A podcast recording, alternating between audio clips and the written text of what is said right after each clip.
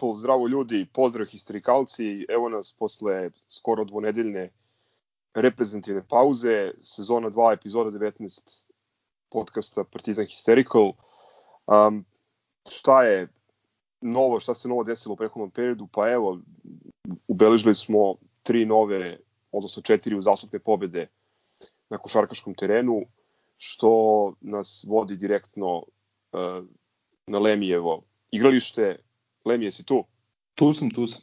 Prvo nego što ti počneš da analiziraš onako inženjerski sve, sve ovo što se desilo prethodnih dana na košarkaškom terenu, samo da kažem a, svoj glavni utisak sa ove poslednje utakmice ABA lige protiv Cibone, a to je da od našeg nekada velikog rivala nije ostalo bog za šta.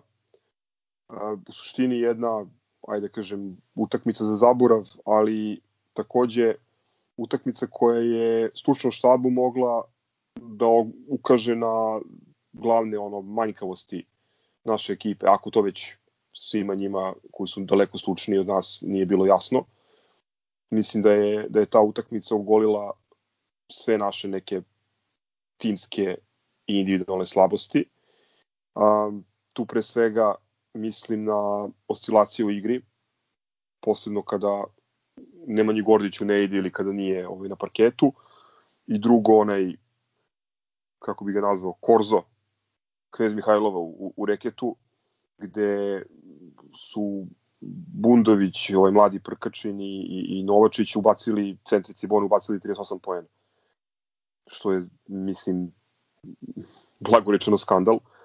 Uh, u vezi s tim videli smo jedan simpatičan all-round nastup ovog veselog mormona, našeg Mike, ovaj, sa skokovima u napadu, faulovima u napadu, dodavanjima iza leđa, e, a u odbrani, ajde, više nego, više nego skroman nastup i aj sad da se, da se ne znamo previše s tim, ali mislim da u e, nekim ozbiljnijim utakmicama protiv nekih ozbiljnijih protivnika, posebno u drugoj fazi Evrokupa, mislim da ovaj, nam treba mnogo veća čvrstina i mnogo bolja odbrana u, u, u reketu.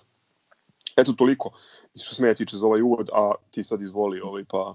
Evo, ako mogu ja da, da uletim pre Milenka, pošto posle njega nemaš više ništa da kažeš. Ove, I to što kažeš. A, a, pa, ta utakmica je bila, da, baš onako, Cibona je stvarno nekako ono, s konca i konopca skupljen klub nekih isluženih ABA igrača, A, mi smo se baš fino mučili zato što smo baš onako vrhunska neozbiljnost u igri bila, realno. I ti imaš situaciju da tebi praktično rezultat održavaju a, Nikola Jovanović i, i Dangubić, što nekako baš ne bi očekivao. Toliko izgubljenih lopti, a, ali ne ono samo izgubljenih lopti, nego neozbiljnih poteza, ono nekih besmislenih dodavanja, baš, baš, baš onako užasan utisak je bio tek negde pred kraj, izgleda Goriću, on, on je došao vozom negde u, pred kraj treće četvrtine i onda je on praktično prelomio utakmicu, ali a, hvala mu za to ima zasluge za, za to što smo na kraju ipak dobili, ali i on je bio očan pre toga. E, onda, onda ga je krenulo i onda simpatično je bio ona, ona akcija gde dodao sam sebi loptu, ovaj, to, ne znam da li se broj kao asistencija. Ali, kažem, ovaj, a, baš onako, a, u odbrani to u reketu, jedino što može se kaže, eto, kao olakšavajuća okolnost, zaista Mozli se tad još nije vratio, nije bio na toj utakmici, ali ono je bilo bušno kao sito. Neko je napisao dosta duhovito na Twitteru da ovaj, gospodin Mormon ne bi mogao da odbrani ni, ni diplomski na privatnom fakultetu. Mislim, one stvarno prolazili da, kako su, kako su hteli. Tako da, ovaj, eto, moj utisak je bio onako, jesmo dobili, ovaj, a, naučili smo se i, i utisak je bio jako loš. Mislim, kasnije se to popravlja, ali da ne spojlujemo, sad smo na temici Bone. E, sad sam rekao, sad Milenko navali. Da, mislim, to je bila utakmica koju smo prosto morali da dobijemo i zbog e, situacije na tabeli, a pre svega zbog toga što smo objektivno 10 puta kvalitetniji od ovakve Cibone. prvo moram da kažem da meni uh, uopšte nije žao što se Cibona nalazi u ovakvom stanju, sve dok uh, oni glume ono sluškinju, sluškinju Čovićevom klubu i Nebojše Čoviću, to pre svega, mada ako ćemo, ako ćemo iskreno, doveli su par talentovanih klinaca, dali su im šansu i videli smo već i na utakmici protiv nas da tu ima, ima dobrog materijala, možda za neki, kao neki zalog za, za budućnost. E, da, sve se slažem, prvo, prvo polovreme, mislim rekao i Filipovski posle utakmice, prvo polovreme je bilo dobro napadački, katastrofalno što se tiče odbrane, treća četvrtina je bila katastrofalna u oba pravca i onda smo eto malo popravili ovaj utisak i iščupali pobedu u toj poslednjoj četvrtini. Nikola Janković e, stvarno momački odigrao onako uh, dizao je energiju ekipe kada je to bilo potrebno nekako uneo je neku čvrstinu koja, koja je potrebna i za koju on ima, ima, ima on taj kvalitet da to prinese na, na, pre svega na baligaškom nivou. Uh, takođe, četvrta četvrtina doktorska Gordića, čini mi se 11 asistencija i onaj potez utakmice što, što je Crk rekao kad je dao sebi loptu u for, ovaj, kako se zove, kao, kao da je desno krilo u futbalu. Da, ostaje, ostaje velika enigma Mika, zašto na nekim utakmicama izgleda više nego pristojno, a na nekim drugim izgleda kao čovek koji, ne, koji nije propustio dve godine, nego 12 godina igranja košarke zbog tih svojih misija. Šta još reći, mislim, ajde, nekako je nezahvalno nezahvalno je pričati o, o utakmici koja, nakon koje smo imali još dve utakmice i dosta je tu nekih utisaka ono isprepletano, ali ali činjenica je da smo mi morali bolje da odigramo tu utakmicu više zbog tog nekog ne znam, zbog nekog generalnog utiska, ne mogu da kažem na kraju, eto i pobeda je možda čak nije ni dovođena u pitanje, bilo je onih minus 5-6 u jednom trenutku, ali nekako sve vreme bio utisak da smo, da smo mi mnogo kvalitetniji i da treba samo malo da dignemo taj, taj neki svoj intenzitet i ovaj da ćemo da ćemo povratiti vodstvo. Je još jedna stvar koja je, čini mi se, unela veliku, unela taj preokret je onaj e, skok kada je, ne znam koji, mislim Dragojević sudio loptu za Cibonu, ovaj, e, kad je kad je Zagorac uh, bio na skoku i on se tu propisno iznervirao, videlo se sa malim prkačinom, ovaj, bilo je evidentno, znači i golim okom, znači na onoj glavnoj kameri je videlo, moglo da se vidi u prenosu da je lopta za nas. E, kako nije video Dragojević, mislim da je bio Dragojević, e, pola metra, to je već veliko pitanje. Ma videlo se iz aviona i bio je, bio je pored, bukvalno. Pa da, to, to, ovaj, ali eto, kažem, to, to su te neke stvari koje umeju da unesu veliki preokret u utakmicu, kao ne znam, pre tehničke duleta, tako i ovde, čini mi se da to je bukvalno jedan, jedan onako, neko će reći nebitan moment, ali kao da je to napravilo baš veliki, veliki zaokret u toj utakmici. Ako govorimo o velikom zaokretu i o podizanju tonusa ekipe i to neku novu energiji, šta reći onda tek o povratku Vila Mozlija i o onome što je sledilo zatim dve pobede u, u dva dana u Eurokupu i što se mene tiče prvi ozbiljan skalp Saša Filipovskog. Dobro, hajde da ne zatvoramo temu Cibone dok ne čujemo našeg dragog gosta šta ima da kažem na, o tome.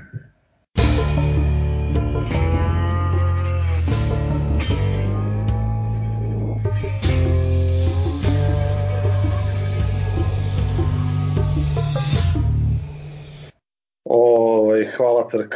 Ovaj pa na meni utisak u principu da je ovo utakmica samo neko gledalo ovaj prethodnih utakmica u kontekstu da koliko god znači da mi povedemo, znači nikad nismo sigurni da to neće se istupi. Jednostavno i kad imamo čistu situaciju koja smo čupadljivo bolji od protivnika, mi opet dolazimo u momente da jednostavno, iako vodimo sad 10-15 razlike, znači jako lako možemo pasti na 4-5 i ponovo se ono boriti i nabijati sebi tlaka, to se kasnije pokazalo znači čak i ovim drugim utakmicama, ako gledamo realno sastav i realno znanje, ovo je trebalo da dobije 20 razlike bez ikakvih dilema, sama činjenica superiornosti govori skok, mi smo bili duplo ono, bolji od skoku od Cibone, 42 napravimo 20 ove skokova, znači a uprko toj dominaciji mi smo konstantno nešto polustrepeli da li će neko od ovih prkačina Bundovića da odlepi dodatno i da nas ovo istisne još više. Tako da kao rezime svega onako, ovaj, utakmice koja je opet e, ogolene ostatke i praktično pokazala da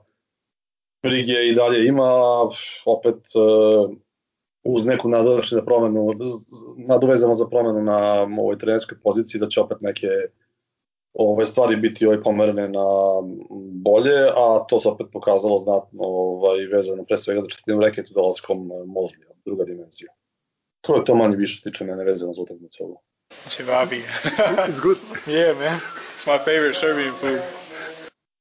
Pa da, rekao sam, ono, po meni o, ogromna pobjeda, jako važna pobjeda i prvi ozbiljan scout našeg novog trenera. A, pobedili smo po meni ekipu koja je objektivno ne samo skuplja, nego i kompletnija u ovom trenutku, bolje pokrivena od nas.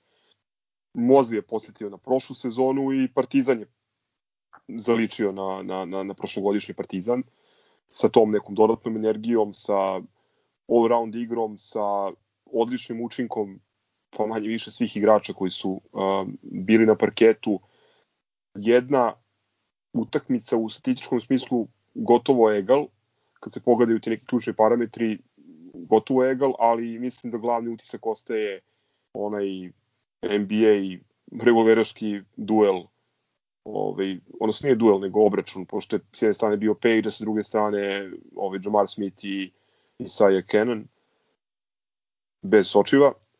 Ovi neverovatni procenti. Čini mi se da smo i mi i oni bili na oko 55% šuta za 3 uz a, naših 16 pogođenih trojki, 8 page-ovih, što je naš klubski rekord, ako se ne varam, u, u Evrokupu neverovatna jedna, jedna utakmica i velika pobeda Partizana.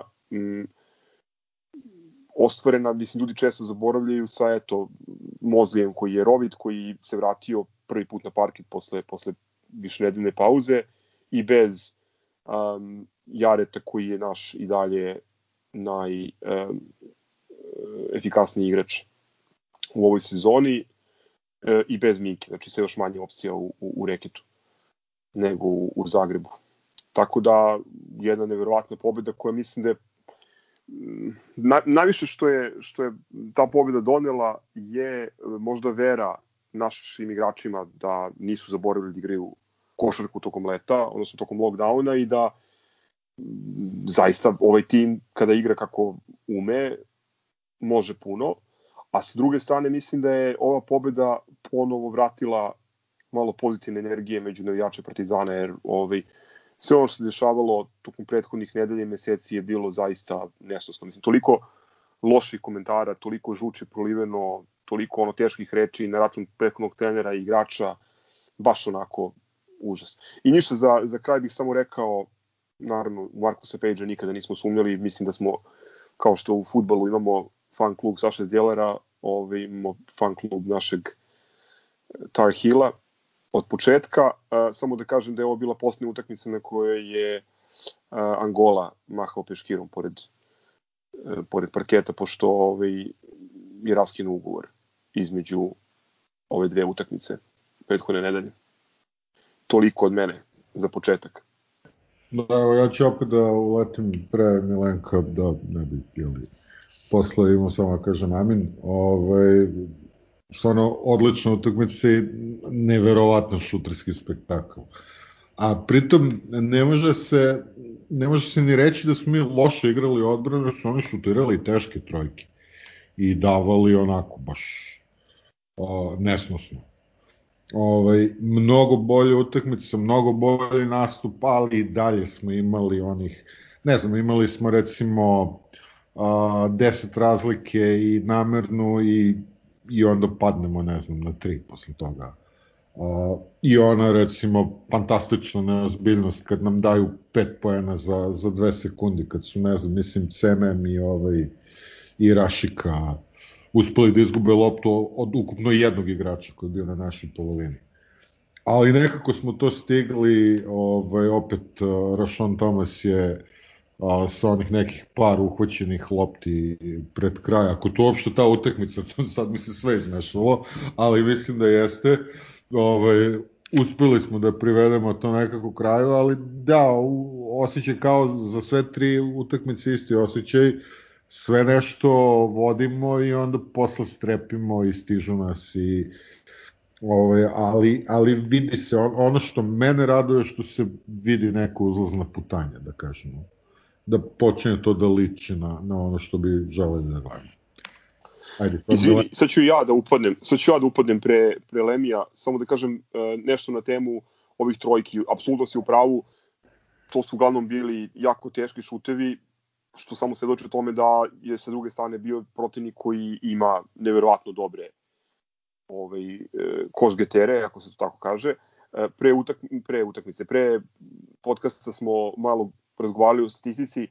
Um, ja sam pronašao podatak da Jamar Smith i Kenan, um, oni su, jedan i drugi su znači, u, u top 5 uh, šutera trojkaša Evrokupa. Uh, zajedno su šutnuli preko 100 puta, ali ne preterujem, preko 100 puta za 3 u, u prethodnih uh, 8 utakmica. Uh, uz Smithov procenat 58-33%. Eto, znači to govori o tome ko je bio sa, sa druge strane. Međutim, ovog puta Markus pobedio i ništa, Mile izvoli. Možda bi mogu i ti da pohvališ Zagorca, pošto smo mi to... Možda sam mogu ipak ja pre Mileta, pošto ste vas dvojica ovaj, već dva puta uletali, pa da onda nešto kažem ja, da ne moram posle se zahvaljujem inače auditorijumu. Ovaj, Milenko, izvini, molim te. Htio sam samo još da kažem ovaj, da mene najviše raduje utakmici zapravo odbrana, koja je bila znači na znatno višem nivou. Prvo je to evidentno razlog je povratak e, Mozlija, iako je igrao 25 minuta, reket je druga dimenzija s njim. Mislim, to je stvarno mnogo čvršće sve, znači što ide na blok često, znači skok je ovaj, mnogo efikasniji. A mimo toga, Jamar Smith, recimo, koji je peti strelac Evrokupa, ovde dao 14 pojena, znači nasprot 18 koje generalno ovaj, ima e, u proseku i ono što mi je jako, jako drago, znači posle dugo vremena raznih sporenja, znači rad Zagorac je odigrao stvarno utakmicu koja je bila fantastična, da je 8-14 pojena imao i ovaj, 8 skokova, 4 asistencije, što u principu govori prvo činjenici da stvarno njega možemo očekivati konačno neke ovaj, partije, tim pre što je momak veoma često sporavan od strane oštrih e, ovaj, grobara i dežurnih zanovetala, a ovaj, kad se beremo sve, ono što je možda najimpresivnije meni je činjenica da sam posle utakmice ove jako puno video ovaj, ljudi koji u principu jedva čekaju da vide sledeću utakmicu, što je opet um, velik napredak, jer, god, jer posle njih ono, sad tokom cijela ove sezone smo bili varijanti da ne čekamo sledeću, znači pošto ne možemo da nosimo taj e, pricak koji u principu utakmica sama po sebi mora nužno da kod nas nosi. Hvala smo se želi lepih e, momenta. Milenko, izvoli. Jeste, slažem se. Slažem se da je Zagorac odigrao utakmicu sezone, on generalno igra bolje od promene na, na trenerskoj klupi. Neki utisak je da mu je Filipovski dao više lopte u ruke, više tog nekog protagonizma u napadu i za sad to stvarno dobro funkcioniše, podigao je procente šuta, nekako racionalniji igra u tranziciji, ima i pas preko praktično cijele odbrane u korner za ovaj gde traži traži otvorenog čoveka na šutu za tri i tako dalje, to stvarno izgleda dobro sad. Uh, i voleo bi da voleo bi iskreno da da nastavi ovaj u tom pravcu. Uh, da, sad Gazo, ti si pominjao procente šuta. Mislim da je na kraju utakmice jedna i druga ekipa je imala preko 50%, a možda čak i preko 55% i za 2 i za 3. Ovaj, negde na polovremenu su oni šutirali trojke 53, 54 posto recimo i sad svi smo bili u fazonu pa dobro mora ih stati u jednom trenutku. Ne da ih nije stalo, nego su oni čak i podigli taj procenat, a mi smo uspeli da uspeli smo da pobedimo tu utakmicu. Ja sam iskreno uh, najiskrenije sam prijatno iznenađen uh, što smo što smo na kraju uh, dobili utakmicu protiv Unixa na ovoliki broj poena.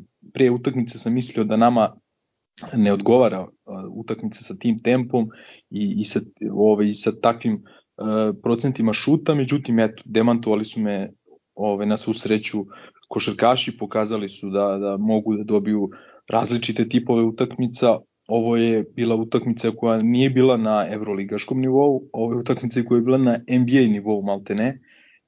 Prosto, uh, prosto je nemoguće. Znači, i, i ne znam sad ko je rekao da li Crk, ovaj, tu sa tim se potpuno slažem, da odbrane uopšte nisu bile loše, čak šta više. Mi smo recimo uh, pre svega sa Mozlijem na parketu, mi smo njih uspeli u dobnom delu utakmice da izbacimo iz reketa, što je možda bio njihov plan utakmice gledajući tu uh, tekmu sa, sa Cibonom, jer ako Cibona nam, ako nam je Cibona dala onoliko puna iz reketa, koliko onda mogu Brown, Morgan i Okaro White.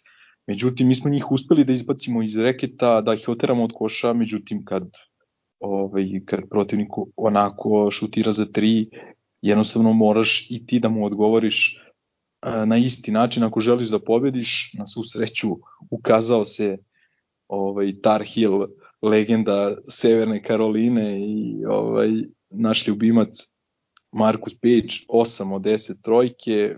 Saznali smo posle utakmice kad je poslednji put neki naš igrač šutirao tako, to je bio Uroš Tripković, baš protiv Cibone, što je možda kuriozitet pre nekih 12-13 godina, šutirao 8 od 9 za 3, a meni je nešto u glavi da je da i Vanja protiv Zadra ovaj pogodio nešto mnogo trojki tamo u onoj utakmici kad je dao 33-4 poena.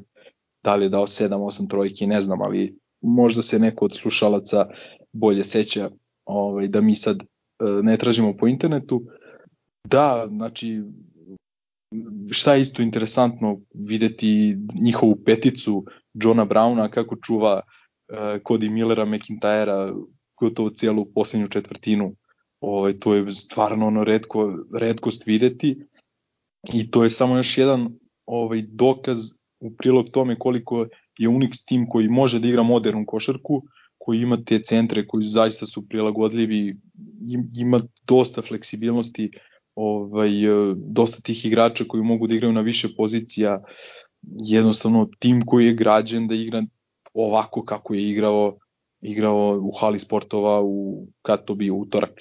Ovaj, dakle brzo na veliki broj poena sa dosta neki u odbrani sa velikom agresivnošću ovaj, i tako dalje. Ovaj, to, je, to bi bilo to. Stvarno velika pobeda protiv odličnog, odličnog tima koja je onako, mislim, ušli smo u tu utakmicu kao ono biti ili ne biti, jer da smo otišli tu na 2-4, to bi već bila ozbiljna, ozbiljna frka, ovaj, onda, bi, onda bi sigurno morali ganjati neki, neki break na strani, pa čak i ovako, obično je, da sad ne ulazimo previše u matematiku, ali do sada je u Evrokupu pet pobjeda bilo dovoljno za prolaz dalje, međutim ove sezone kako, kako već ovaj, sve je čudno ove sezone, pa i to, i na kraju možda čak ni pet pobjeda ne budu garant prolaska dalje, ovaj, ali o tom potom. Meni je posebna komplikacija ovde da pratim te, tu kombinatoriku i kako, kako se razvija takmičenje, to što ima puno ovih odloženih utakmica koje se naknadno igraju, pa ono, malo sam, da kažem, izgubio ono, e, fokus i više, ono, baš mi je teško da ispratim sad ko tu šta i kako deluje, ako, mislim, ako, ako se ne varam, ovaj, e, Juventudu je ostalo da odigra valjda dvije utakmice kod kuće, tako da je, iako su izgubili ove od ovih nesrećnika iz Turske i, i nas, dve za redom, negde očekivati da oni budu najverovatnije prvi, e sad ovo sve ostalo ispod je, je otvoreno. Tim pre što mislim da Venecija, e, da njoj, e, da ona treba da odigra dve ili tri čak za ostale utakmice, tako da tu je tu je ovaj, da kažem rešenje situacije u našoj grupi. Uh, htio sam samo što stvar da kažem vezano za, uh, za Page, odnosno da, jedan, jedna observacija i jedna, uh, jedan detalj statistički. Ti si pomenuo uh, Vanju Marinković, njegov, uh, njegovu tu šutersku rapsodiju. Ja sam se setio sada Markusovog šuta, odnosno serije u dvorani Krešimić Osić, to je bilo pretpošle sezone, neki januar. Yes, yes. Zato, zato što je Markus bio e, tog meseca, mislim, igrač meseca u ABA ligi, e, tamo je dao sedam trojki. Sedam trojki ubacio Zadru, mislim da je dao to, 26, 7, 8 poena. Sad ne mogu da setim tačno, to je recimo neki, neka druga polo, e, polovina januara. Je to bila ona tekma s Srpskom krađom? Jeste, jeste, kad su sudili one prestupe, Javor, Javor sudio koga da, isto ovom, ovom prilikom pozdravljamo. Ali, ali... To smo dobili u produžetku. Da ali ovaj, da, definicija ono vrućeg, vrućeg parketa. E, observacija je bila ta da smo počeli konačno da igramo na, na šutera, kako Milenko kaže često, elitnog šutera u našoj ekipi i prosto ono to je e, neprirodno da imaš takvog realizatora, a da ne citaš napad za njega. I većina ovih situacija koje on pogodio su bili šut, ono, prosto akcije koje su pravljenje za njega i to mi je, to mi je jak utisak. E, juče smo dosta loš, lošije šutirali, ali ponovo je bilo nekoliko situacija gde je e, prosto moglo da dođe Markusa Šu do izražaja.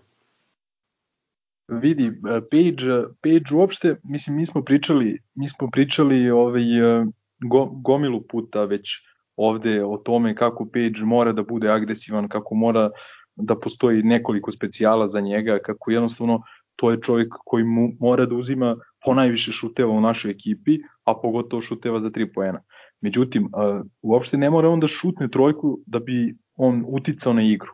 Videli smo recimo sinoć, ovaj, dobro, sad već skačemo već na temu sa, na utakmicu sa Juventusom, ali videli smo da su se oni jako dobro spremili za njega, da su oni te, ovaj, te neke specijale za njega, posebno iz tog onog čuvenog španskog pick and rolla, ovaj, tu je recimo on ostajao nekoliko puta sam konkretno kroz tu akciju protiv, protiv Unixa, tu se za to jako dobro spremio. Onda su recimo pick and roll sa njim, kad je on ovaj, zove centra u pick and roll, su branili ono udvajanje maltene njega i puštajući tog da on baci pas ovaj čoveku koji se ovaj koji se odmotava pa šta on uradi? I onda je tu recimo Mozli ima ono spektakularno zakucavanje iz toga. Ali poenta priče je da kada imaš takvog igrača sa takvim šutem, uh, jednostavno druge ekipe dobar deo pripreme, pripreme utakmice ovaj, baziraju se na tome kako njega sprečiti i nekako, znaš, ono, stavljaju možda i najbolje defanzivce na njega. I, znači, to ti otvara čitav jedan spektar nekih mogućnosti ovaj, i, i prostora drugim igračima da, da ovaj, imaju neke otvorene ovaj poglede ka košu ili više prostora i ili tako dalje. Tako da Markus Page je po, ponavljam ono i stvarno jedan od najbitnijih karika ovaj u našoj ekipi uz naravno Vila Mozlija za koga smo mislim prosto prosto to, to, je nešto što ne moraš da dokazuješ ljudima. Ja sam negde u, u, ovaj, u toku prošle sezone mi je palo na pamet da pogledam recimo njegovu statistiku ono čisto brojke, ali one osnovne brojke, one e, pričamo o broju poena, skokova i tako dalje. I onda mi je palo na pamet, ajde da ga uporedim sa brojkama Gagića od sezone pre.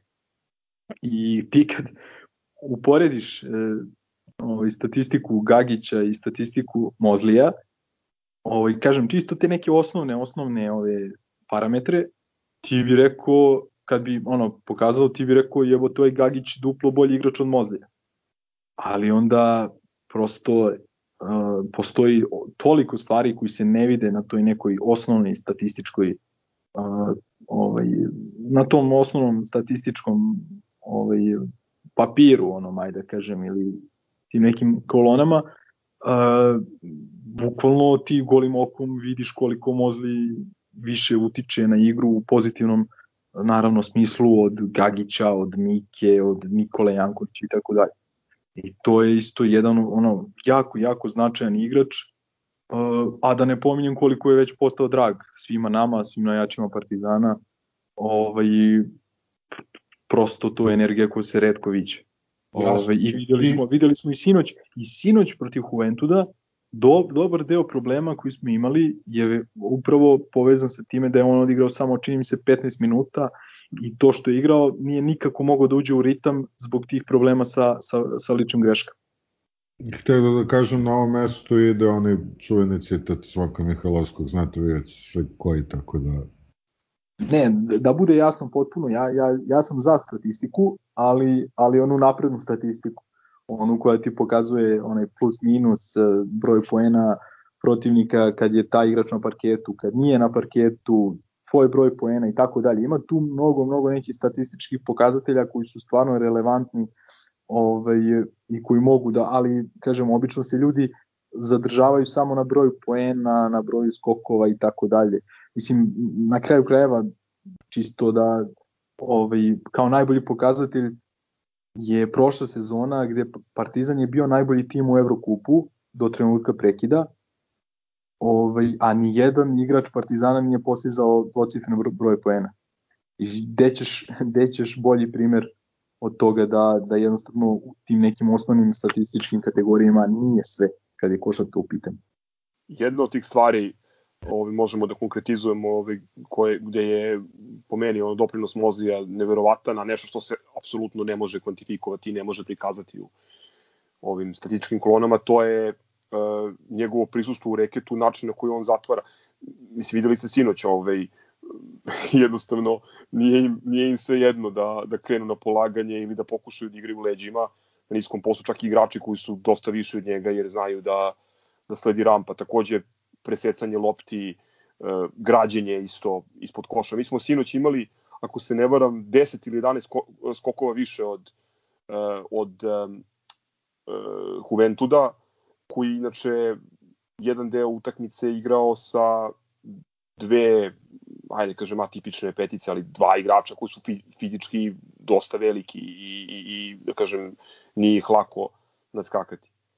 Da, onaj Brodzijanski je, pa mislim da ima možda čak 2.8, 2.9, tako nešto.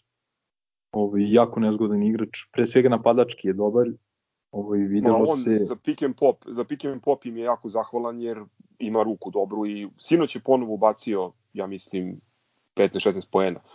Ne računajući onu minijaturu Dosona u, u, u poslednje četvrtini koja je njih vratila u igru, mislim da je taj brozijanski Slovak, čini mi se, da je on bio naj, u njihovoj ekipi najistaknutiji pojedinac. Jeste, apsolutno, apsolutno on i Dawson su bila dva glavna igrača sinoć pošto smo već prešli ovaj, kompletno na, na utakmicu sa Juventusom, nije baš bila najsjajnija utakmica sa naše strane, e, ali opet teško je bilo i očekivati da možemo ponovimo onakvu rapsodiju kao protiv, kao protiv Unixa. Čitavu utakmicu smo se nekako tražili pre svega napadački, videlo se da nije to, da nismo ono kliknuli, da nismo na, na potrebnom nivou, ali opet kažem nije nije ov, ova ekipa Partizana mislim ovo takmičenje nije zamišljeno da se igra dve jako bitne utakmice u, u 48 sati. Ovaj to je jako jako teško uh, i u tom nekom smislu stvarno svaka čast ono na jako bitnoj pobedi koja nas je približila dodatno uh, drugoj fazi. Ima dosta komentara da kao Partizan je pobedio osakaćeni Juventud to je tačno, ali opet mnogi zaboravljaju ovaj, da i naš ponajbolji igrač je već duže vreme odsutan. Naravno pričamo o Jaramazu, sinoć je falio i Mika, koji bi, mo, koji bi dobro došao u toj u, toj problem, u tom problemu sa ličnim greškama uh, Mozlija u smislu neke rotacije. Moj utisak juče bio, ja sam se relativno kasno uključio negde na pola treće četvrtine i u onom momentu kad smo imali 12 razlike i rekao ajde konačno jedna tekma bez tlaka i onda naravno ne, leže, ne lezi vraža i ovog puta uh, loše odluke, loše potezi, bacanja lopte u, ne mogu kažemo publiku, pošto nema publike, ali ovaj, ako bi mogao da zaokružim utisak sa sve ove tri utakmice, rekao bih da idemo na bolje.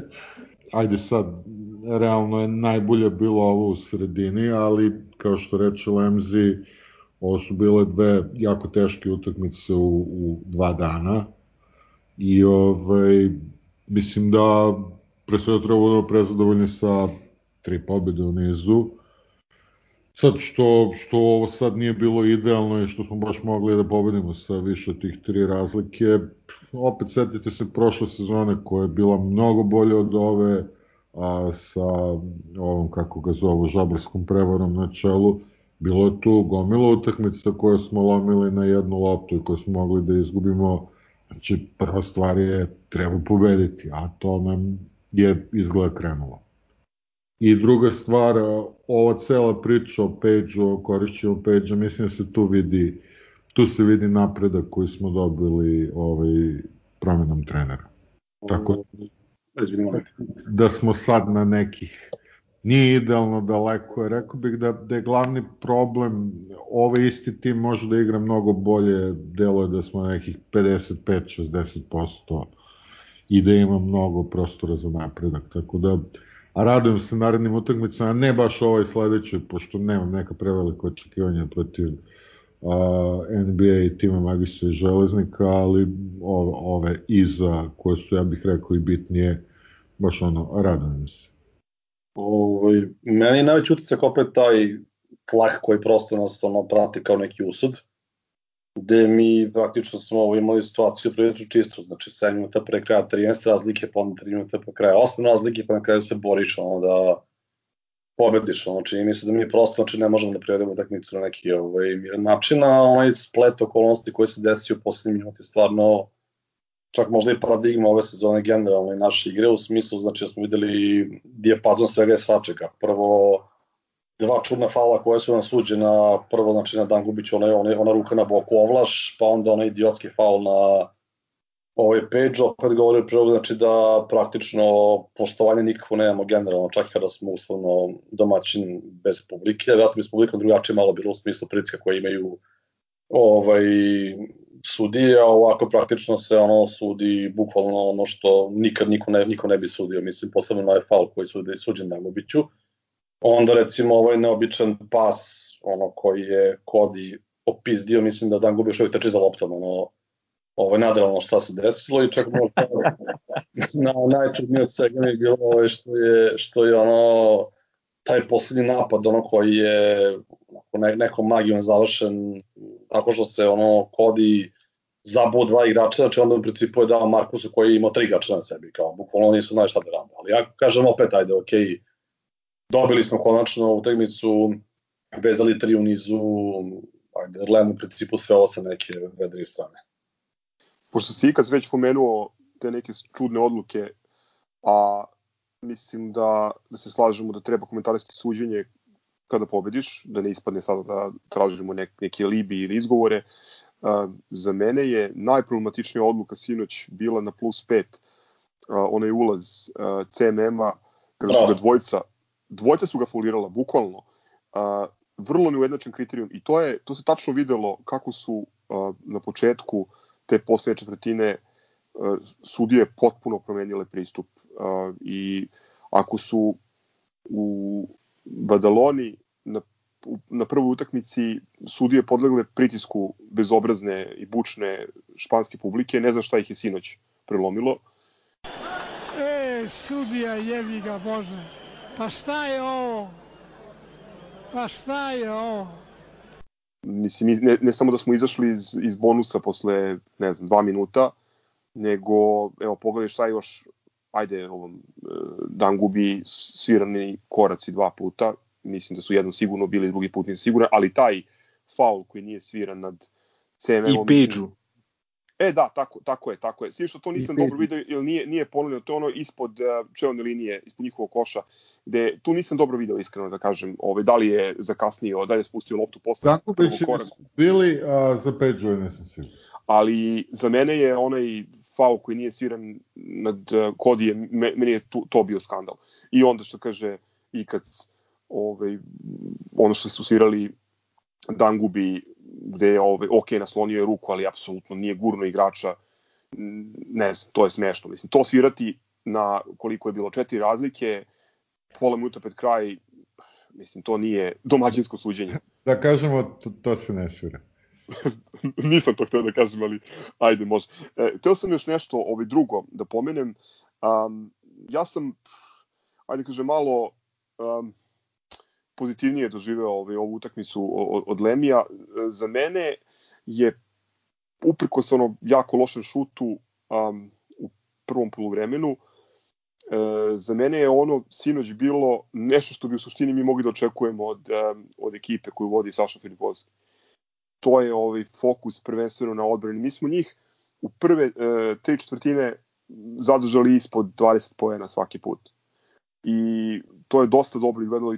Mislim, slažem se, oni su dobro postavili odbranu, fino je njihov slučaj štab iskautirao našu ekipu, išli su na to da zatvore Markusa, ali mislim da smo i mi na to dobro dobro govorili i posebno imajući u vidu to da je Mozli vrlo brzo bio dva penala, da je ispo iz igre, da tu nije bio Jaramaz, da, eto, otišao je Angola i kako god, znači mi nemamo, mi praktično imamo i, i užu i, i, i pliću rotaciju. I uprko svemu tome mislim da Novica se povredio isto sinoć, to je još jedna stvar koja nam je skratila opcije. Mislim, imajući to sve u vidu ovaj, i činjenicu da smo dva dana ranije imali jako tešku utakmicu protiv jako dog protivnika, za mene je ovo neočekivan i, i, ono vrlo pozitivan rezultat koji nas drži u igri čak i za eto to drugo mesto ako se stvari slože kako treba. Vidjet ćemo dalje. Ja, ja prosto, isto kao i Crle, ne očekujem puno od utakmice u ponedeljak. Mislim prosto da je da su oni previše toga bacili na, na, na ovu sezonu i na ovu ekipu.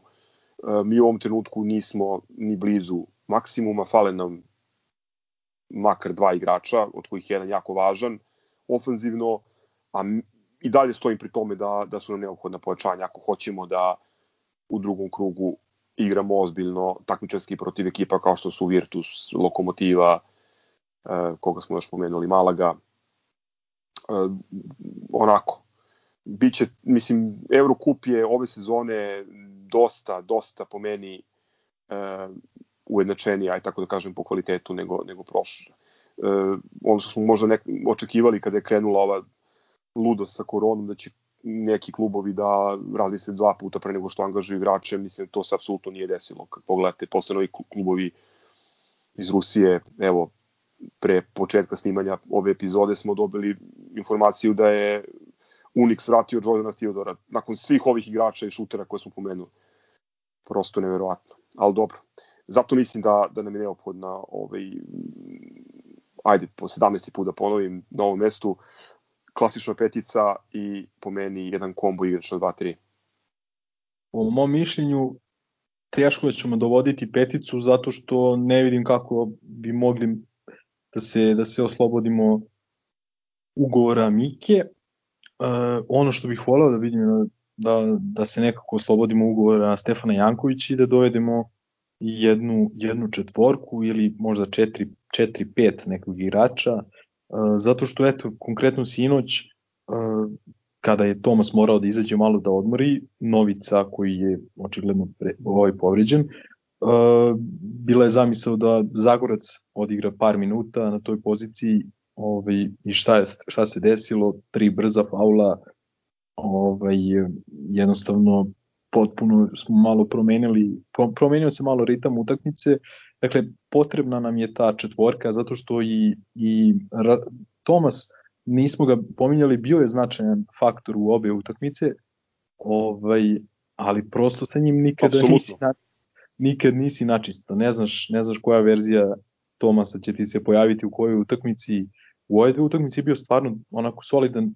prespavao je dobar deo utakmice protiv Unixa, ali je poslednju četvrtinu odigrao odlično. Dao je onu, neko će reći, nerezonsku trojku, pogotovo trojku koju, koju diže čovek koji šutira trojke tek nešto više od 20%.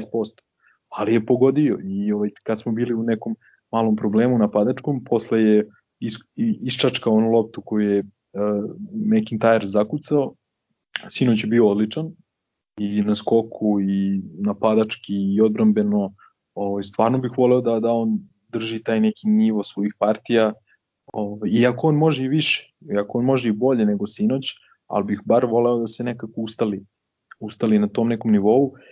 Bilo bi pošteno sad reći da posljednja četvrtina sinoć je stvarno bila bila loša, ako smo onoliko kritikovali Šćepanovića u prvoj utakmici sezone na gostujućem parketu, gde je suđenje bilo slično ovome večeras. Mislim da je pošteno reći da Filipovski nije baš najbolje reagovao u, u četvrtoj četvrtini sa nekim odlukama, ali dobro, mislim, svakako puna podrška i, njemu i celom stručnom štabu i ovo sad ide ne, u dobrom pravcu, vide se neke konture i zamisli kako on želi ovaj tim da igra i u pravu si da je ova utakmica sinoć bolji pokazatelj kako ovaj tim može da igra i kako je, kakva je neka ideja, verovatno.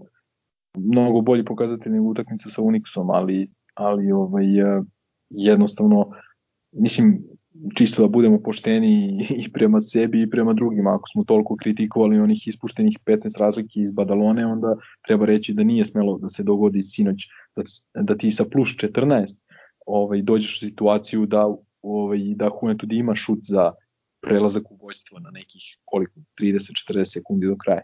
I, I slažem se apsolutno onih par odluka sudijskih počevo tog uh, nesviranog faula na Milleru, McIntyre-u, pa potom onaj faul Tomasa na centru igrališta kad je ono iščačko loptu Morganu u out, pa onda tek onaj faul Dan, Dangubića smešno, mislim, stvarno smešno i veliko je pitanje da li bi ono sudili da se igra pred publikom i pred punom halom. Tako da, ovaj, da, nismo pomenuli recimo šta je interesantno, protiv Unixa smo čini mi se šutnuli samo šest bacanja na čitavoj utakmici i to dva bacanja su bila kad su pravili onaj foul nad Pageom, kad su svesno znači, nas poslali na liniju slonih bacanja. Nekako imamo... Što je možda bilo dobro. Da, da, nekako im, pazi, po meni suđenje u toj utakmici bilo sasvim. Okay. Bilo je par nekih ono sitnica tipa onih 5 sekundi izvođenja onog auta kad čini mi se nisu protekle ni 3 sekunde, a ovaj, oduzeli su nam loptu i tako nešto, ali dobro, to se dešava, ovaj, verovatno i iz Unix imaju primetbe na neke sudijske odluke, ali ovaj, meni se nekako čini da su sudije, ovaj, recimo Hristodulu je bio, on je evroligaški sudija i bukvalno su osudili kao ono daj što pre da završimo utakmicu i da, i da se pakujemo da idemo kući.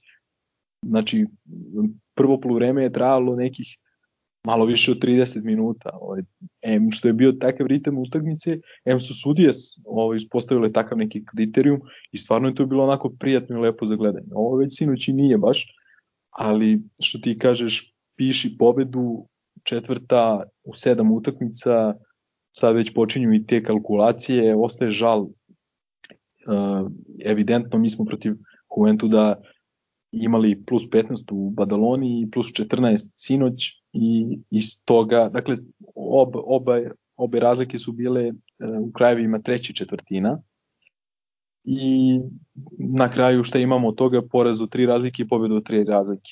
I ovaj, sa dve pobede u te dve utakmice mi bi sad bili glavni konkurenti za okay, prvo mesto. Pošto ali, je, pošto je Ilija tu, on će ti potvrditi da je bolje a, pobeda i poraz nego dva poraza. A, kad ovako to razložiš, ne čak Ali pazi, kon konkretno, konkretno u ovom slučaju ta prva utakmica bi bacila potpuno neko drugo svetlo i možda bi Partizan krenuo nekom drugom pravcu, možda Sašo Filipovski sad ne bi bio trener i ko zna šta bi se ovaj, tu bilo umeđu vremenu. Ali kažem, da ne, bi, da ne bi previše pričali o tome ovaj, šta bi bilo kad bi bilo i, bav, i bavili se tom nekom matematikom, pobedili smo, vezali četiri pobede, čeka nas, znamo svi šta u ponedeljak, je nakon toga ide ta reprezentativna pauza, bit će dve nedelje prilike da uh, Filipovski malo više radi sa ekipom, to će doći dosta dobro našim igračima i treneru, ovaj, ok, bit ćemo tu bez, čini mi se, tri igrača, bez Zagorca, uh, Dangubića i Trifunovića, čini mi se, dakle bez kompletne pozicije 3, ali verujem, verujem da će, te, da će ta pauza jako dobro doći, ovaj, da se pre svega implementiraju neke nove stvari zamisli i da se one vežbaju na treningu. Da li znaš, Lemi, ovi, je sledeća utakmica posle pauze Reer odloženi ili igramo kod kuće sa e, Turcima? Pa koliko ja znam, e, ni, nismo još dobili datum te utakmice zvaničan, te utakmice sa Venecijom, tako da ako se ne varam prva je e, prva je Mornar u Baru, što će biti jako, jako, jako značajna utakmica. Da, da, to je možda bude odlučujuće za, za play-off ABA. Da, to pa, pa onda idu onda ide Bača Šehir koji ostaje bez ovog Pereza, bez jednog od najboljih igrača koji, koji prelazi u Fenerbahče. Da karamo tegane lodake! U vrlo siromašnom futbolskom bloku ćemo samo da najavimo ono što nas čeka u narednih nekoliko dana i kratak osvrt ćemo dati na reprezentativnu pauzu, pošto niko od nas ovde nije poznat kao ljubitelj i ovaj, neko ko puno prati reprezentativni futbal. Uh, što tiče presućih utakmica, u subotu od 16 časova Slana Bara, Umskoj Slana Bara koja začuđujuće ovaj pri vrhu tabele, mislim da svega nekoliko bodova stoje iza nas i trebalo bi da bude zanimljiva utakmica.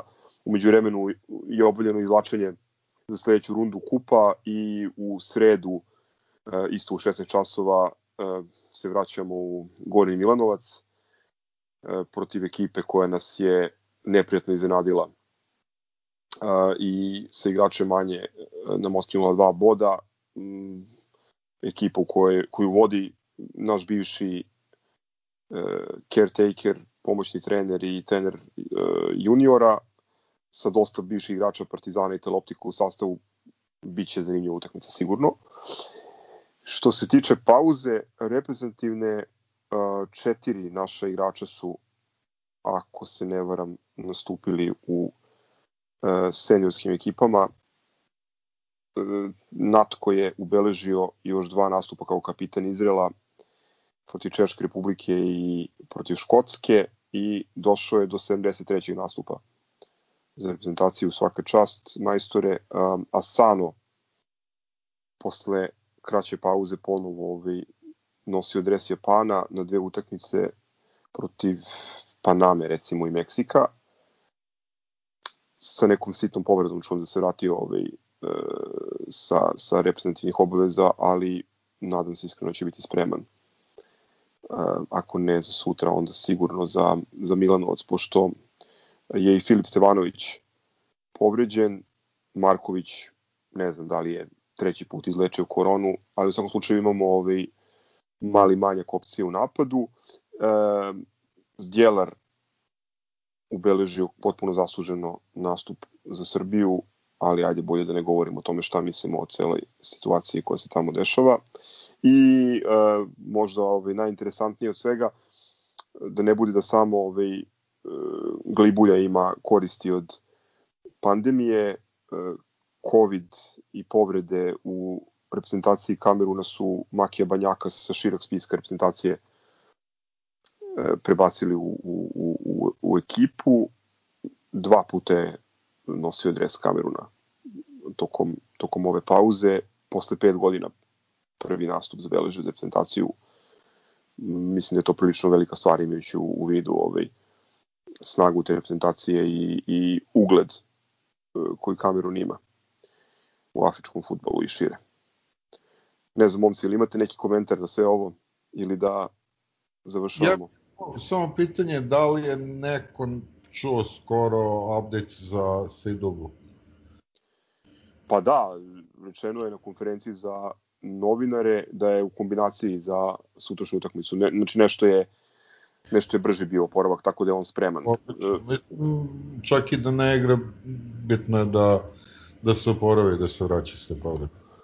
Ja se plašim jedne druge stvari, ovaj, o tome smo govorili, ja mislim, pre prethodne ove reprezentativne pauze, to je puno putovanja i posebno ovih igrača koji igraju u tim reprezentacijama u dalekim zemljama sa puno presedanja, puno menjanja ovaj, aviona i raznih prevoza, pitanje je ko će od njih zdrav da se vrati i u kakvom stanju. Ovaj, tako da se toga, toga malo plašim i u tom smislu definitivno ovaj, znači povrtak se dube koji je ono suma je u svakom slučaju jedan od tri, ajde da kažem, najbitniji igrači. Čekaj, e, e, nisi spomenuo Mađara, znači nije igrao. Igrao je, ali sam zaboravio, evo iskreno. Sad, sad razmišljam, nije bilo logično. Igrao, on je čak igrao, on je jedini odigrao uh, tri utakmice. Tri, tri utakmice odigrao, ovaj, čemu dva puta je odigrao valjda celu i ovu poslednju protiv Turske, mislim da je ušao nešto u drugom poluvremenu. A, vrlo moguće da sam prevideo i reprezentativi Crne Gore, ali iz, izvinjavam se, pošto stvarno nisam, nisam pratio. Ovo mi je bilo interesantno, jer su se ovi ljudi eto, vratili u reprezentaciju posle nekog uh, vremena, posle nekih pauza i to što Natko majstor što je došao do 73. nastupa za Izrael. Još neki komentar na, na reprezentativce? Drago mi je što leteo ovaj futbolski blok, ovaj, da vas vadimo grova, samo nemojte mu reći da na kraju je poslušao ceo histi. Mogu ja umeđu vremenu da kažem da je najbolja stvar ovaj, vezana za ovu reprezentativnu pauzu je što se završila i što više nismo primorani da, da, da, da, ovaj, da ga slušamo o tome. Tako, mislim ja ni ne slušam, ali to je nekako, to, to su onih uh, nedelju, to je dve nedelje kad ne igra Partizana, to je nekako poslednje od futbola što mi je ostalo da pratim. Ja sam ispratio, to, to vam nisam rekao, ovaj, odnosno nisam rekao u emisiji, vi mislim da znate, ovaj, iskoristio sam pauzu da, da overim tu u komšiluku ovaj, deo utakmice naših omladinaca protiv um, nečega što se zove internacional ali ajde da ne šarimo priču. U svakom slučaju, ovaj, mislim da, da ima igrača dobrih za, za prvi tim koji nadolaze. Vidjet ćemo ovaj, da li će možda već, već sutra u napadu da se pojavi neko od, od mlađih protimaca. Dobar dan, predsjedniče, kako komentarišete histeriju? A, pa ništa, ajde sad krećemo u, u redovne rubrike. Ovo je više onako tematski a, potpolo u kutak za ništa sporno trenutak, više zbog konteksta, jer a, celu tu rubriku smo ovako a, startovali iz poštovanja prema legendarnom indirektu, ali direktno zbog a, gospodina Mirka Poledica koji je se istakao onim ništa sporno komentarom.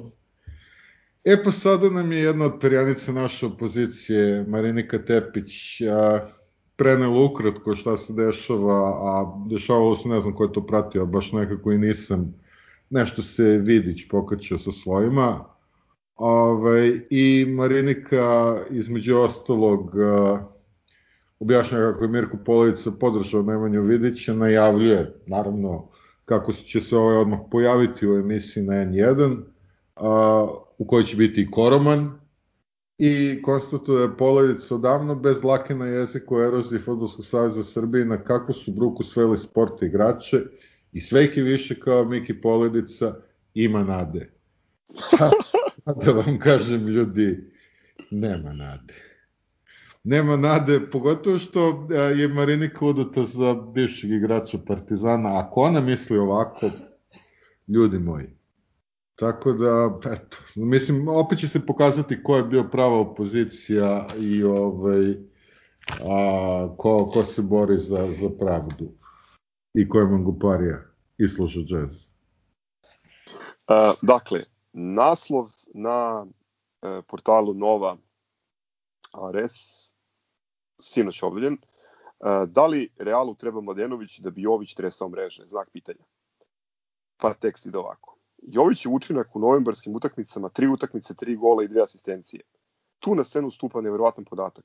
Luka Jović je za Real na 32 utakmice, od kako je 2019. godine za 60 miliona stigao na Santiago Bernabeu, postigao dva gola i upisao dve asistencije. I da bi mnogi razbijali glavu u čemu je ta Neovićeva vrsosnuća, odgovor je jednostavan.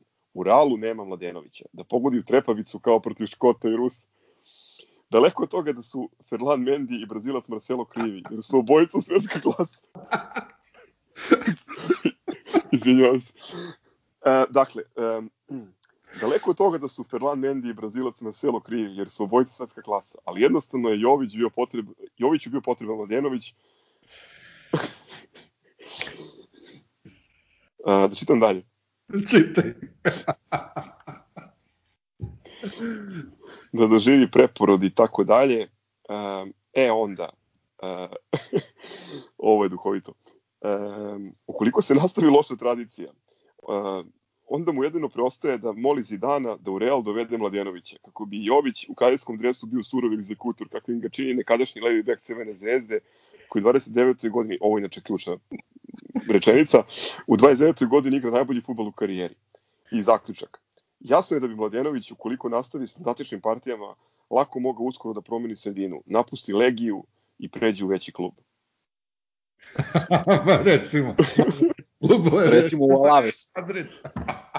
Možda u Real Madridu umesto ovaj, Brazilca Marcela i Ferland Mendija koji ipak nisu krivi po mišljenju. Naglasio bih da je članak iz, iz Nova RS navodno opozicionog portala, tako da još jednom kažem, ovaj, eto. Ma ne, mislim, tekst je, tekst je nenormalan. Pa ovoga se, ovoga, se, ovoga se ne bi setili ni oni iz piramide radosti. Ja, ljudi, ali znam, znam i šta je, šta je izjava nedelje. Ove, a, samo mi dajte sekund da pronađem, pošto Ardo Men mi je slao. A, to je članak, a, rekao bih po fontu iz politike, a po kontekstu a, verovatno isti autor kao onaj koji je a, uporedio Takis, Takija sa Gerdom Millerom. I sad tu negde kaže a, učestvo u akciji kod oba partizana gola, asistirao Tokumija Sanu, Mnogi su shodno majstorstvu u prvi mah pomislili, ma ovo radio bi Snatko. I nabacivanjem sa desne strane inicirao proigravanje Filipa Holandera neumoljivom Aleksandru Šćekiću. Da zaključimo, Partizanov dres nosili su i mnogo bolji desni bekovi od Aleksandra Miljkovića, ali činjenica da je, ovo, da je osvojio isti broj šampionskih znamenja kao neprevaziđen Fahrudin Jusuf implicira bar malo više poverenja. Naš A, u, brate, napisao, tako je. Znači, Jusufi, da, Jusufi pa Miljković. Jusufi, ne, Miljković pa Jusufi. Gospode dragi. Ove, ovaj, a, dakle, ili isti članak kao ovaj, a, koji je izmislio Gerda Millera, ili je pisala Miljkonova majka. Treći nema. E, ja sam našao i, i štopericu. E, štoperica je, aj pokušat ću da objasnim mislim, ovo mora da se vidi, jednostavno je neprepričivo koliko je bizarno. Um, štoperica ide uh, sportskoj redakciji dnevnog lista danas, uh, odnosno autoru koji se potpisuje uh, sa NM, ovi neki bi zviledici rekli zapravo u pitanju NČ. Um, to je, setite se, autor koji je napisao profil Bogdana Bogdanovića uh, tako da nije pomenuo da je čovjek igrao za Partizan što je vrlo ovaj, simpatično.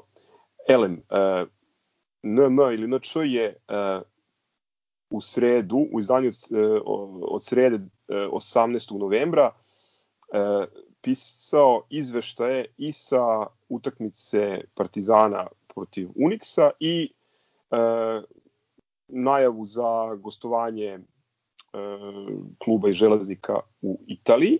Dakle, uh, naslov test velike izdržljivosti odnosi se na gostovanje e, Čovićevog tima u Italiji. E, naslov Dramatičan revanš tiče se Partizanove pobede nad Unixom. E sa šta je interesantno, e, a to mislim da nije puno ljudi nije puno ljudi primetilo, naslovi su drugačiji, ali tekst je potpuno isti. Znači, danas je u štampanom izdanju objavio dva puta isti tekst, odnosno istu najavu gostovanja Čovićevog kluba e, po dva različite naslova. Ergo, ne postoji izveštaj sa partizanove utakmice protiv Uniksa, postoji samo naslov, dramatičan revanš, nad, nad naslov Partizan uzvratio Uniksu za poraz u Eurokupu i posle toga počinje tekst u kome piše o e, putovanju u Milano i tako dalje i tako dalje. Neverovatno, mislim. A reci mi samo kako se zove onaj novinar a, iz sportske redakcije danas sa kome bi trebalo znamo ime i prezime i lik, onaj, onaj Marki Smith što, što tamo radi.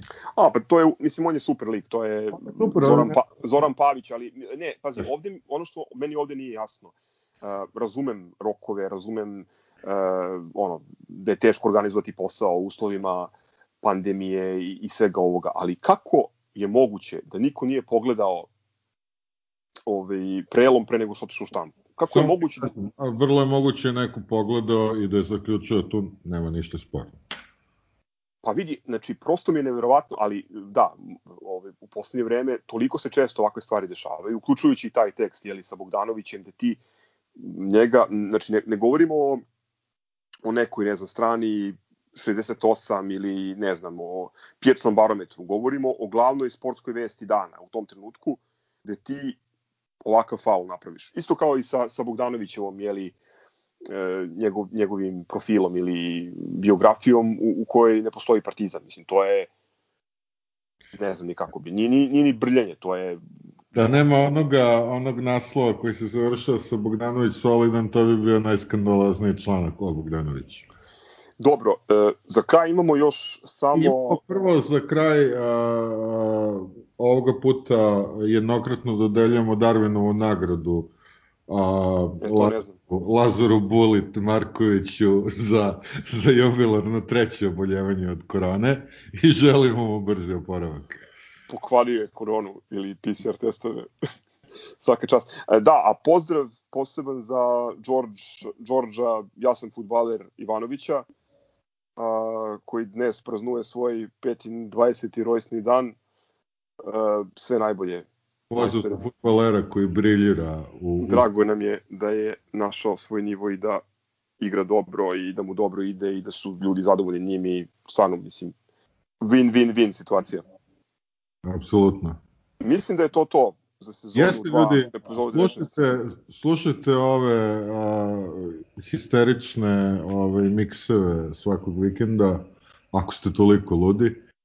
Ove, ima folk sekcije i, i, i ovog vikenda, tako da to je samo teaser. Da, trudimo se, mislim, to, to nismo uopšte pominjali, ovaj, dobro je da si reklamirao, trudimo se da ponudimo ne samo ovaj, onako šaren uzorak onoga što svi mi koji se bavimo ovim podcastom slušamo u slobodno vreme, ono mešamo stare stvari, nove stvari, Nešto tematski, nešto tematski, nešto je taze, nešto je... Ono... Da, da, da, da, ima tematskih, ako se ne varam, e, Vili je predložio uh, pesmu o sinu Miki od Sina Nasakića. Tako je. A imali smo Dangubu u prehodnom radio miksu. Da, da, da. Sledeće, znači, tema iz Alfa, je li tako, Lemi? Da, da, da, da. Da, da. Pa dobro, to je to onda. Grobar i zdravo. Ćao, čao. Pozdrav. Ciao, brate. Salim ti prijetna dan.